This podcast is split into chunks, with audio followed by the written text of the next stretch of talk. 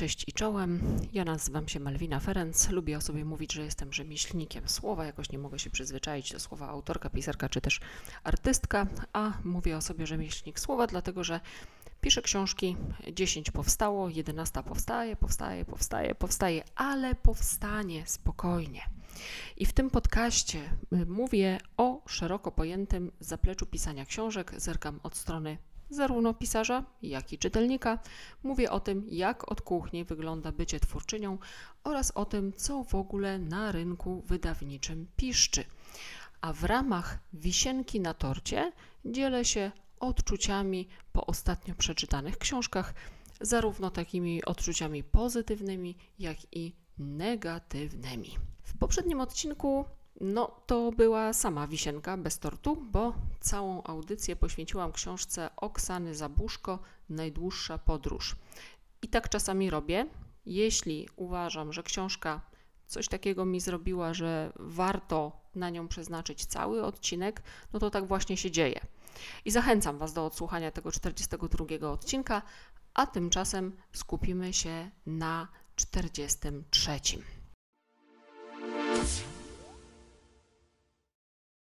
Zanim jednak się skupimy, to zrobię taką powiedzmy rundkę z tacą, jak w kościele i poproszę o co łaska. Więc jeśli podoba Wam się to, co robię, jeśli lubicie ten podcast, to zasubskrybujcie go. Nie umknie Wam żaden nowy odcinek, zostaniecie poinformowani o nim i będziecie mogli go odsłuchać wtedy, kiedy uznacie za stosowne jak już skończę pisać książkę, skupię się na podcaście i będę go intensywnie rozwijać, ale ważne jest dla mnie, żeby z moimi treściami docierać do jak najszerszego grona słuchaczy już teraz. I dzięki Wam może się to udać. Ocencie ten podcast. Oceny sprawiają, że cieszę się błogosławieństwem algorytmów, a na popularności podcasterskiej i pisarskiej zależy mi jak jasna cholera, co Wam będę ściemniać. No, prawdę mówię, mówię jak jest. Podajcie ten odcinek dalej w mediach społecznościowych, to nic nie kosztuje, a jakże cenne jest. Poza tym, uwaga, uwaga, są osoby, które dzięki podcastowi zaczęły czytać moje książki i zwłaszcza nim kłaniam się szczególnie nisko.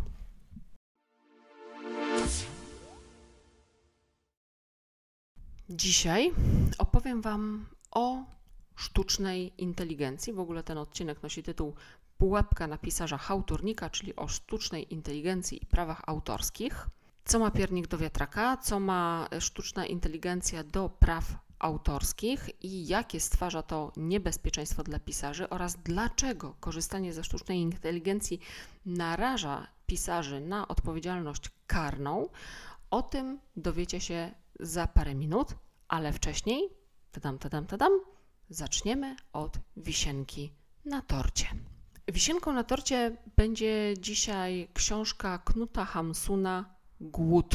Zanim przejdę do samej książki, to kilka słów o tym, kim był Knut Hamsun, bo idę o zakład, że niewielu z Was wie, no ja też nie wiedziałam, przyznaję się bez bicia. Podaję za Wikipedią.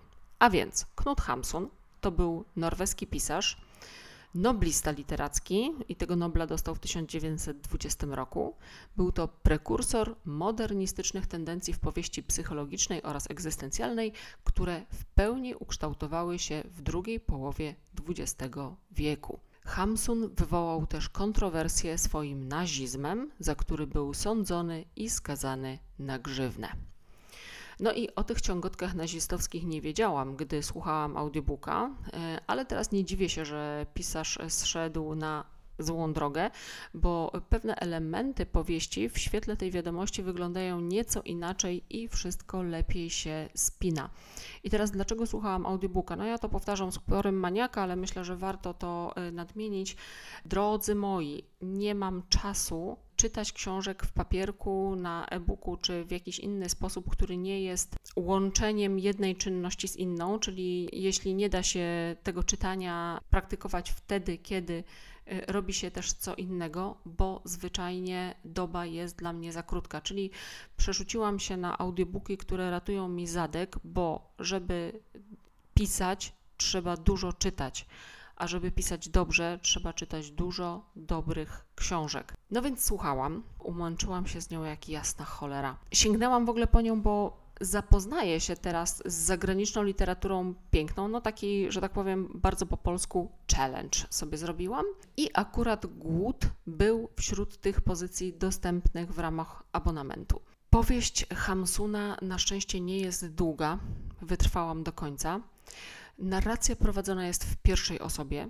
Siedzimy w głowie głównego bohatera i jego oczyma patrzymy na świat. Y, światem tym bohater szczerze i głęboko gardzi.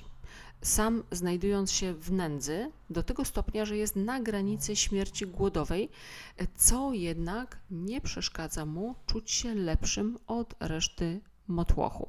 Szacunkiem darzy jedynie redaktorów dwóch gazet, do których posyła artykuły. No, to ma sens, bo dowiedziałam się, że mm, Hamsun był czwartym spośród siedmiorga dzieci ubogiego wiejskiego krawca. W młodości pracował jako czeladnik szewski, subiekt, kamieniarz i nauczyciel w szkole elementarnej, a w latach 80. XIX wieku dwukrotnie wyjeżdżał do USA, gdzie zarabiał na chleb jako buchalter, motorniczy tramwaju i robotnik budowlany. Czyli inaczej mówiąc, facet wie, wiedział, co to znaczy ciężka robota i poznał dolę robotnika, a zapewniam Was, że wtedy dola robotnika była y, no nie do pozazdroszczenia. By nie powiedzieć, że po prostu fatalna. No i Hamsun poznał to robotnicze życie bardzo dobrze. I jeśli opisuje nędzarzy, a opisuje, to wie o czym pisze. Bo o tym właśnie ta książka jest. O nędzy przypisanej do człowieka, tak zespolonej z nim, że nie jest on w stanie się z niej wyrwać, choćby stawał na uszach. Powiedzieć o kimś, że jest nędzarzem, to tak jak powiedzieć, że ktoś ma numer buta 39.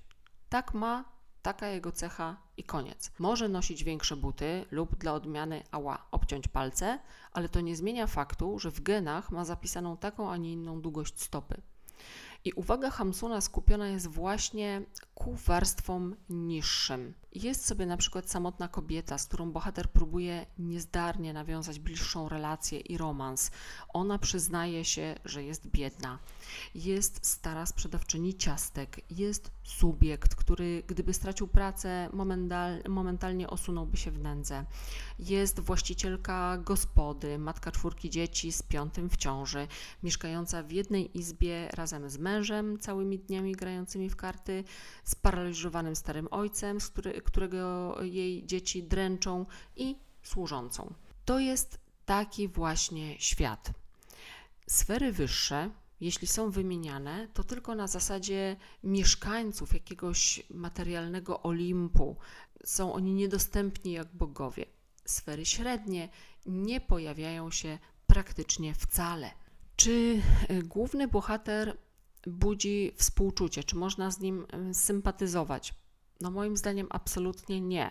Jest typem odrażającym, próbującym co chwila wyrwać się z nędzy, ale robiącym to tak nieudolnie, że wszelkie próby są skazane na porażkę, zanim się w ogóle za nie zabierze. Powiedzieć, że jego decyzje są nieracjonalne, no to nic nie powiedzieć. No nie ma pojęcia, jak zarządzać swoimi pieniędzmi, które no w mikrej ilości, ale jednak od czasu do czasu mu wpadają nie wiemy, w jaki sposób się stoczył, bo poznajemy go już jako nędzarza sprzedającego w Lombardzie ostatnią kamizelkę, by uzyskane pieniądze przeznaczyć na chleb. Bohater, no, nie znamy jego imienia. Jakieś tam na początku jest wymienione, ale nie wiadomo, czy jest to imię prawdziwe, bo później, przedstawiając się, podaje imiona fałszywe. Więc bohater próbuje zarabiać na życie, no ale co robi? No jest tam jakaś wzmianka, że próbował brać się za pracę fizyczną, no nie nadawał się z takich, a nie innych względów.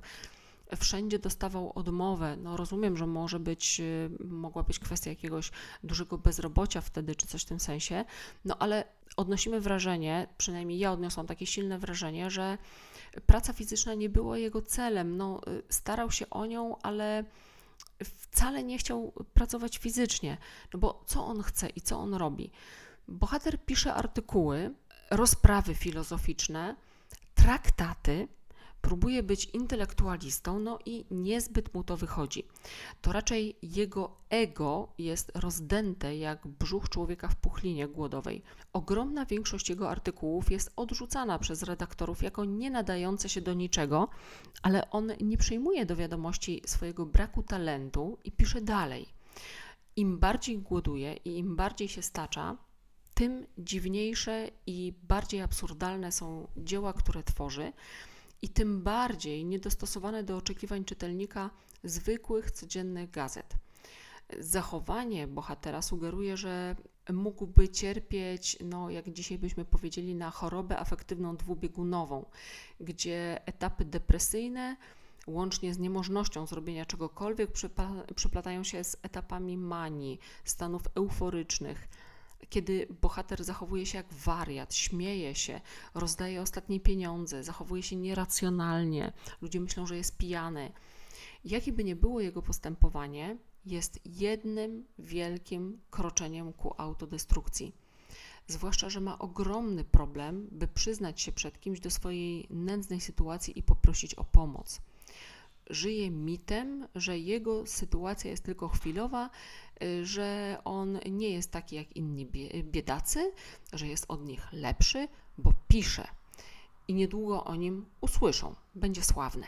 Postać tego bohatera jest tak męcząca i irytująca, że ciężko tę książkę czytać ale wiemy, że w 1890 roku, kiedy została wydana, wzbudziła entuzjazm krytyków. I akcja książki mniej więcej około tego roku się dzieje. Została wydana w 1890, wzbudziła entuzjazm i uwaga, uwaga, to był debiut.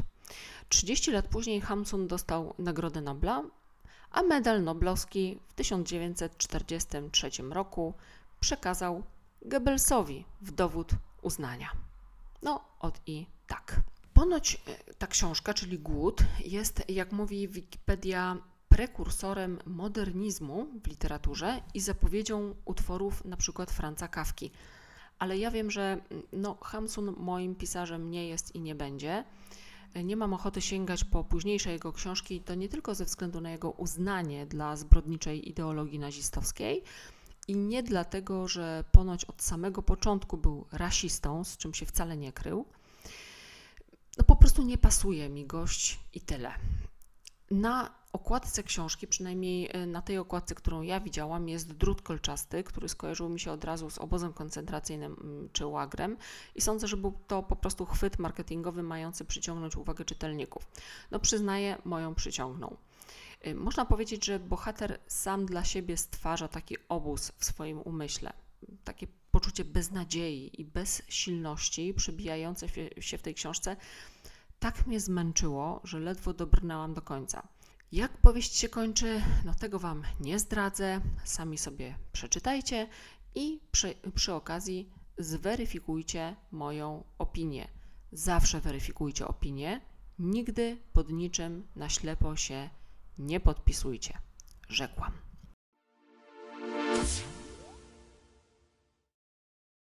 Przejdźmy do tortu, a dzisiejsza specjalność zakładu to sztuczna inteligencja. Poświęciłam jej już, jej już odcinek y, numer 23 pod tytułem Zmierzch pisarzy, czy książki piszą ghostwriterzy i sztuczna inteligencja.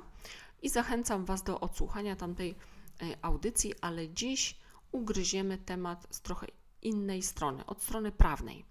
No bo oto okazuje się, że pojawienie się tego narzędzia, czyli tej sztucznej inteligencji, postawiło przed nami problemy, na które absolutnie nie byliśmy przygotowani. No i jak to zwykle bywa, rozwój danego pomysłu czy techniki wyprzedza mocno przepisy prawne, które teraz trzeba na gwałtoryty dostosowywać.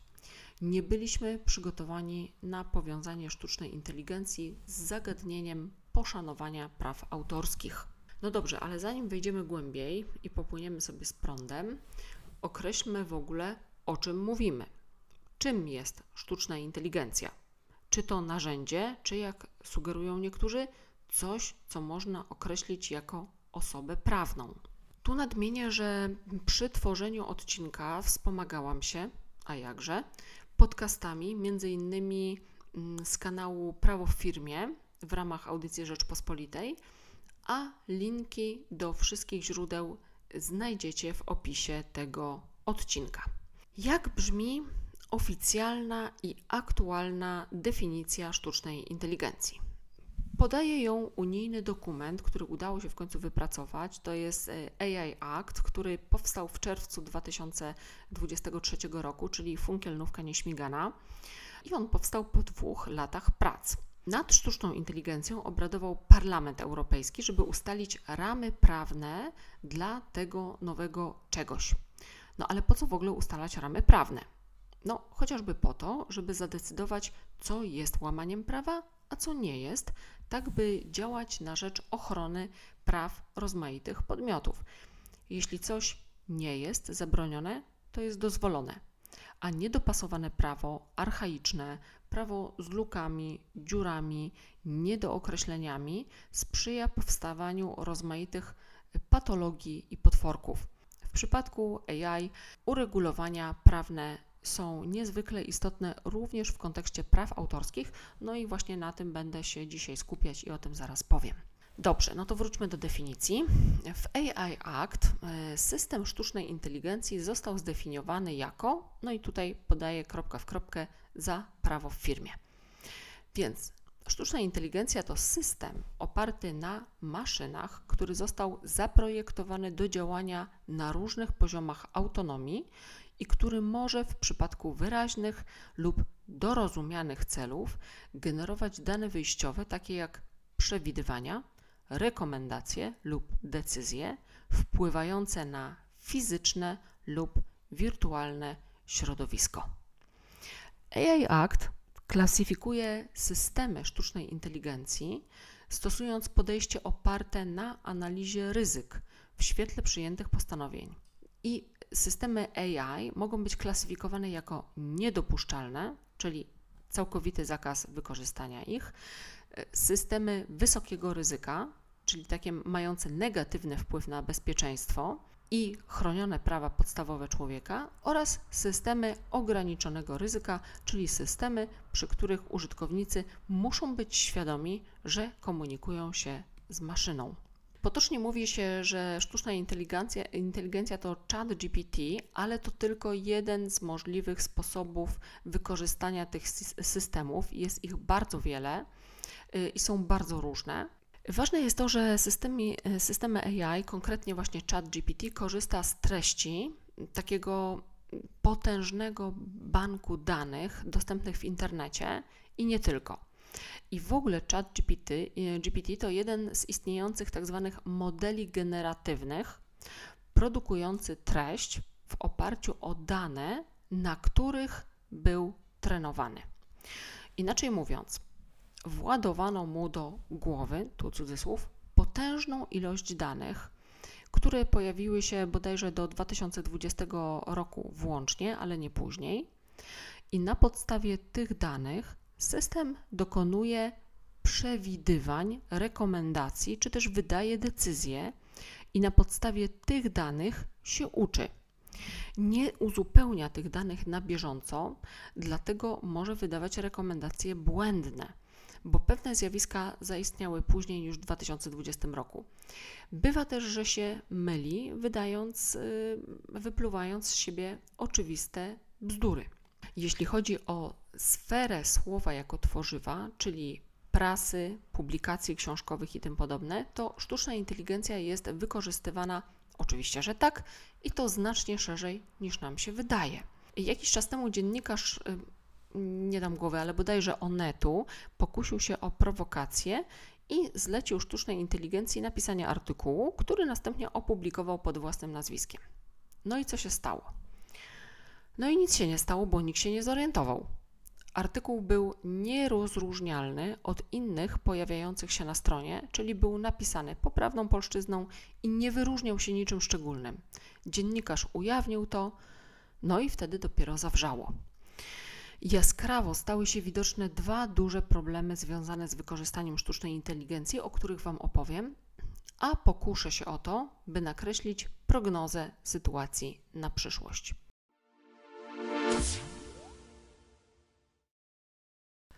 Problem pierwszy oszczędność na zasobach ludzkich.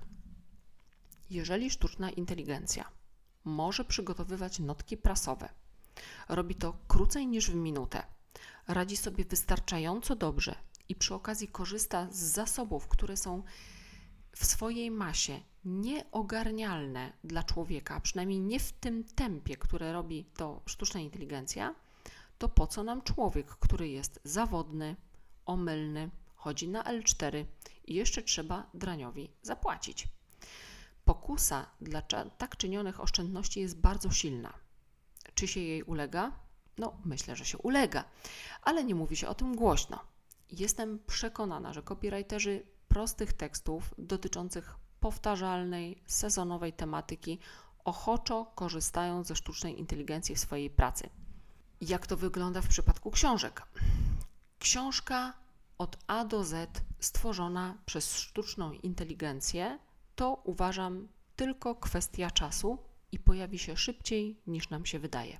No, ja jestem o tym przekonana.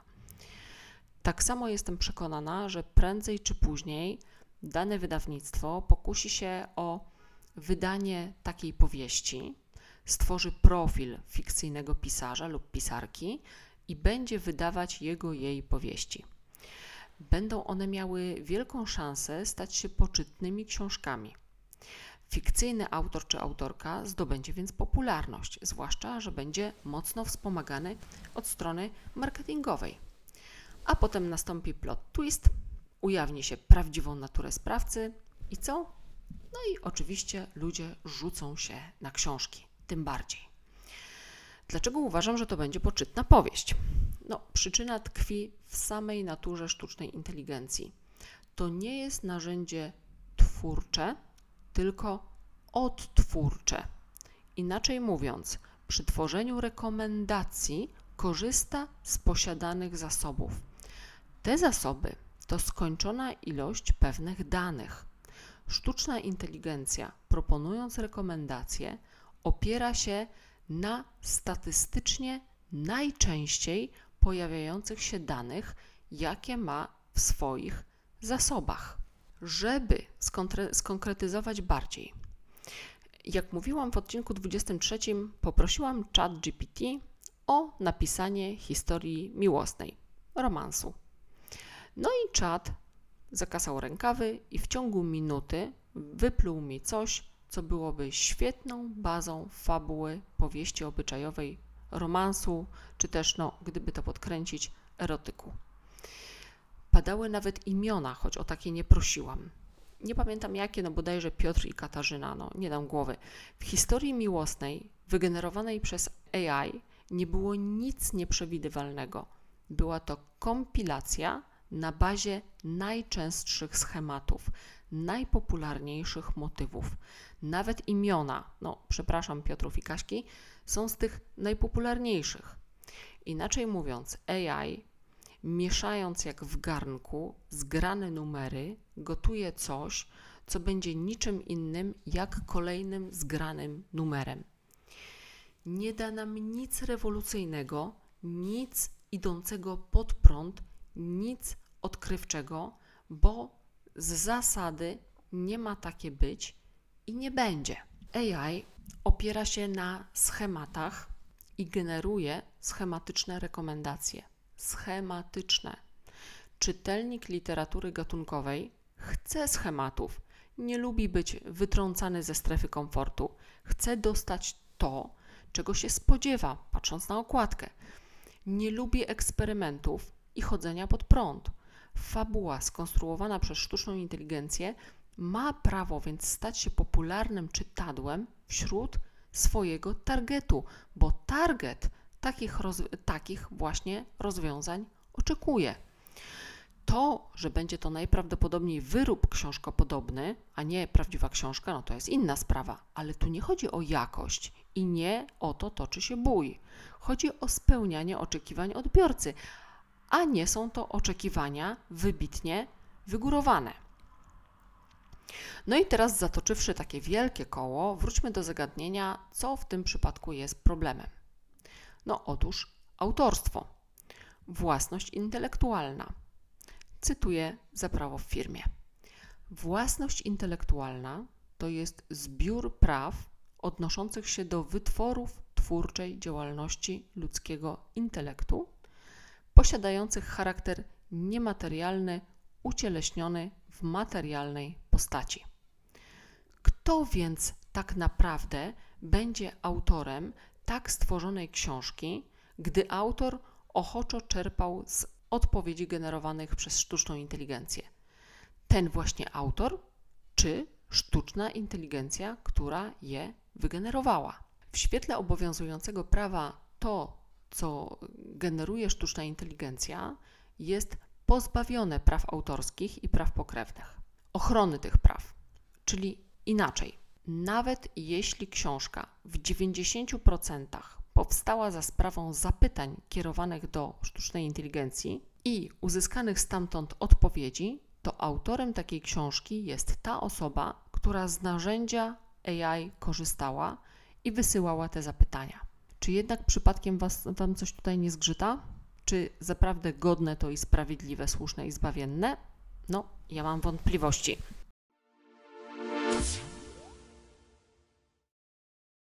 Dobrze, przejdźmy do drugiego problemu. Korzystanie z tekstów, czyli jest jakiś twórca. To, że wypluwka, że tak się wyrażę ornitologicznie, sztucznej inteligencji nie jest chroniona prawem autorskim, to nie oznacza, że autor powieści zaczerpniętej z AI może spać spokojnie. No wprost przeciwnie, ponosi wszelkie konsekwencje za wykorzystanie takiego rezultatu, o ile narusza on w jakimś stopniu prawa wyłączne osób trzecich. Obowiązujące obecnie prawo stanowi, że wszelkie konsekwencje ponosi ostatnie ogniwo tego łańcucha zdarzeń, czyli osoba, która wykorzystała dane wygenerowane przez sztuczną inteligencję. No ale w jaki sposób można naruszyć jakieś prawa autorskie i pokrewne, skoro to program komputerowy podpowiedział nam rekomendacje danego rozwiązania? No i właśnie tutaj dochodzimy do tego drugiego problemu związanego ze sztuczną inteligencją. I jak już powiedziałam, AI korzysta ze zbioru danych, również ze zbioru tekstów. Budując nam jakąś fabułę, czerpie, co za zaskoczenie, z innych fabuł, jakie ma zgromadzone w swoich zasobach. A tamte fabuły, znów, co za zaskoczenie, mają jakichś swoich autorów i są utworami, a utwory są chronione prawami autorskimi. Otóż wychodzi na jaw teraz, że dane, na których trenowały systemy generatywne, niekoniecznie pozyskiwano z poszanowaniem praw autorskich. Pojawiają się zarzuty względem twórców sztucznej inteligencji dotyczące naruszeń praw autorskich. Jeśli więc pisarz radośnie hałturzy sobie, wykorzystując sztampową fabułę wyplutą przez sztuczną inteligencję, a ktoś inny przeczyta tę fabułę i stwierdzi: No, chwilunia, przecież takie coś odtąd dotąd pochodzi z takiej to a takiej mojej książki. To mój patent. To nie ma znaczenia, że ostatnie ogniwo łańcuszka zasiorbało pomysł ze sztucznej inteligencji. Ostatnie ogniwo naruszyło prawa autorskie twórcy fabuły, którą sztuczna inteligencja wykorzystała do uczenia się. Z uporem maniaka będę powtarzać, że ktoś, kto zamierza opublikować swoją pierwszą książkę, powinien przeczytać przede wszystkim ustawę o prawach autorskich i pokrewnych. Nie jest długa, szybko się czyta. Jeśli ktoś już wydał cokolwiek, a nie przeczytał, czym prędzej niech nadrobi lekturę. Naprawdę warto. Myślicie, że takie sytuacje są nierealne? Wprost przeciwnie. W USA trwa właśnie spór, gdzie w grę wchodzą, uwaga, uwaga, 3 miliardy dolarów. Ten spór dotyczy nielegalnego wykorzystania danych do trenowania modeli generatywnych. Inaczej mówiąc, do trenowania uczenia sztucznej inteligencji wykorzystano m.in. utwory literackie i książki. Autorzy się zorientowali, zostawmy to w jaki sposób się zorientowali. Może znaleźli uderzająco podobny fragment wśród tego, co sztuczna inteligencja wypluła i się zaczęło. No nie wiem, zorientowali się. Wykorzystano ich twórczość bez ich zgody i wiedzy, a ponadto w żaden sposób nie mają z tego korzyści materialnych. No ale dlaczego mieliby nie mieć? Zyski, które powstają ze sztucznej inteligencji, gdzie nie ma wkładu pracy proporcjonalnego do osiąganych korzyści, powinny być dzielone, czy to z innymi osobami, czy to z przyszłymi pokoleniami. No, takie stwierdzenie pada w jednym z odcinków podcastu Kultury Liberalnej, oczywiście link macie w opisie odcinka. To uczestniczenie w zyskach to nie musi być bezpośrednia gratyfikacja. No, w przypadku przyszłych pokoleń no, to byłoby raczej ciężkie do zrealizowania, ale chodzi o utworzenie na przykład jakiegoś funduszu na rzecz, dajmy na to, opieki nad młodymi pisarzami, wsparcia pisarzy i tym podobne. Bo sztuczna inteligencja uczy się na tekstach, które ktoś stworzył. I ten ktoś nie tylko nie uczestniczy w zyskach, ale jeszcze traci, bo może zostać przez sztuczną inteligencję zastąpiony.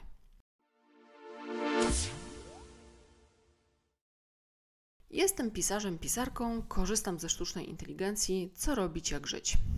Prawo w firmie proponuje, by wprowadzić obowiązek informacyjny o tym, że korzysta się z modeli generatywnych w swojej pracy.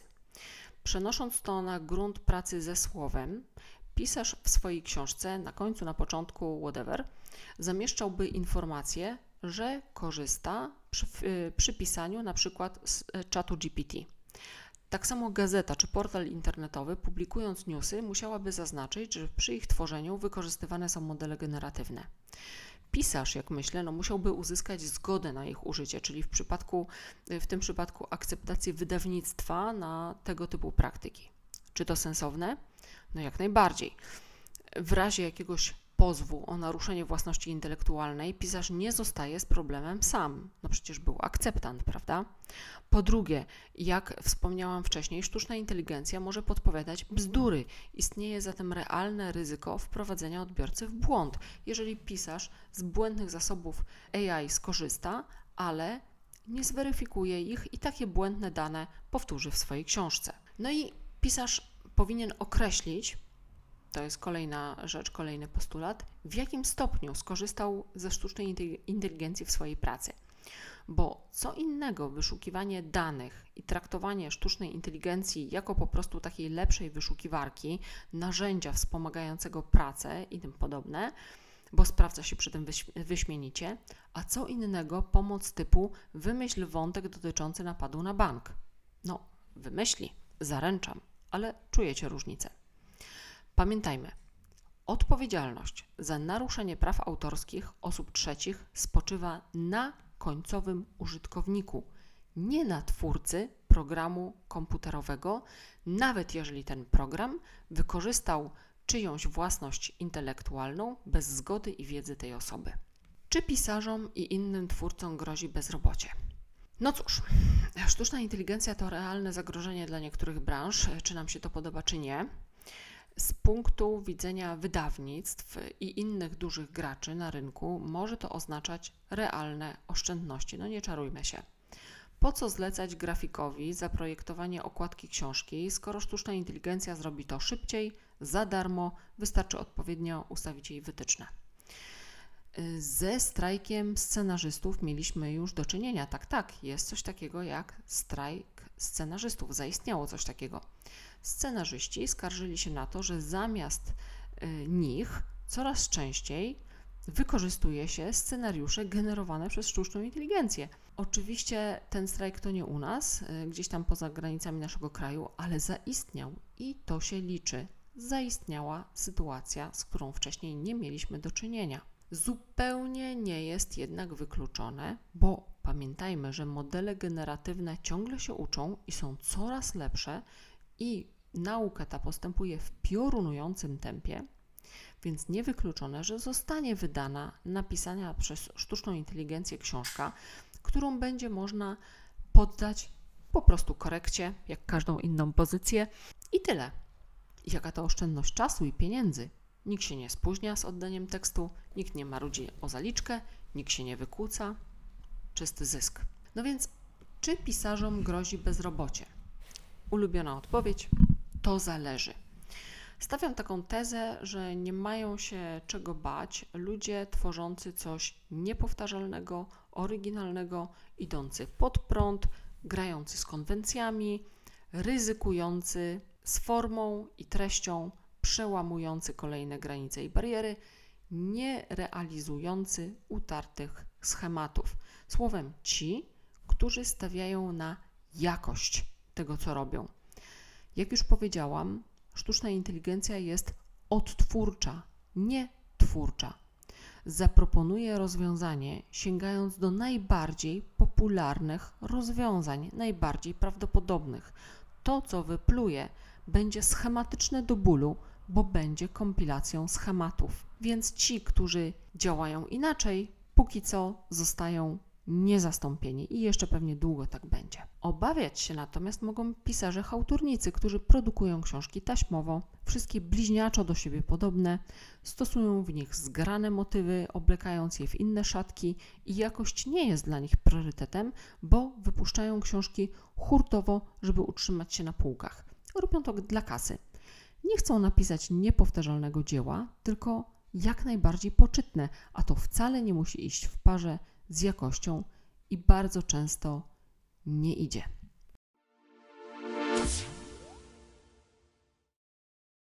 Tyle mam Wam do powiedzenia w dzisiejszym odcinku.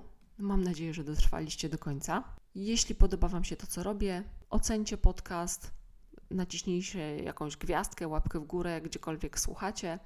Dodajcie y, moją audycję do obserwowanych, nie umknie Wam żaden odcinek i powiedzcie o tym podcaście swoim znajomym, najchętniej wysyłając im link w mediach społecznościowych.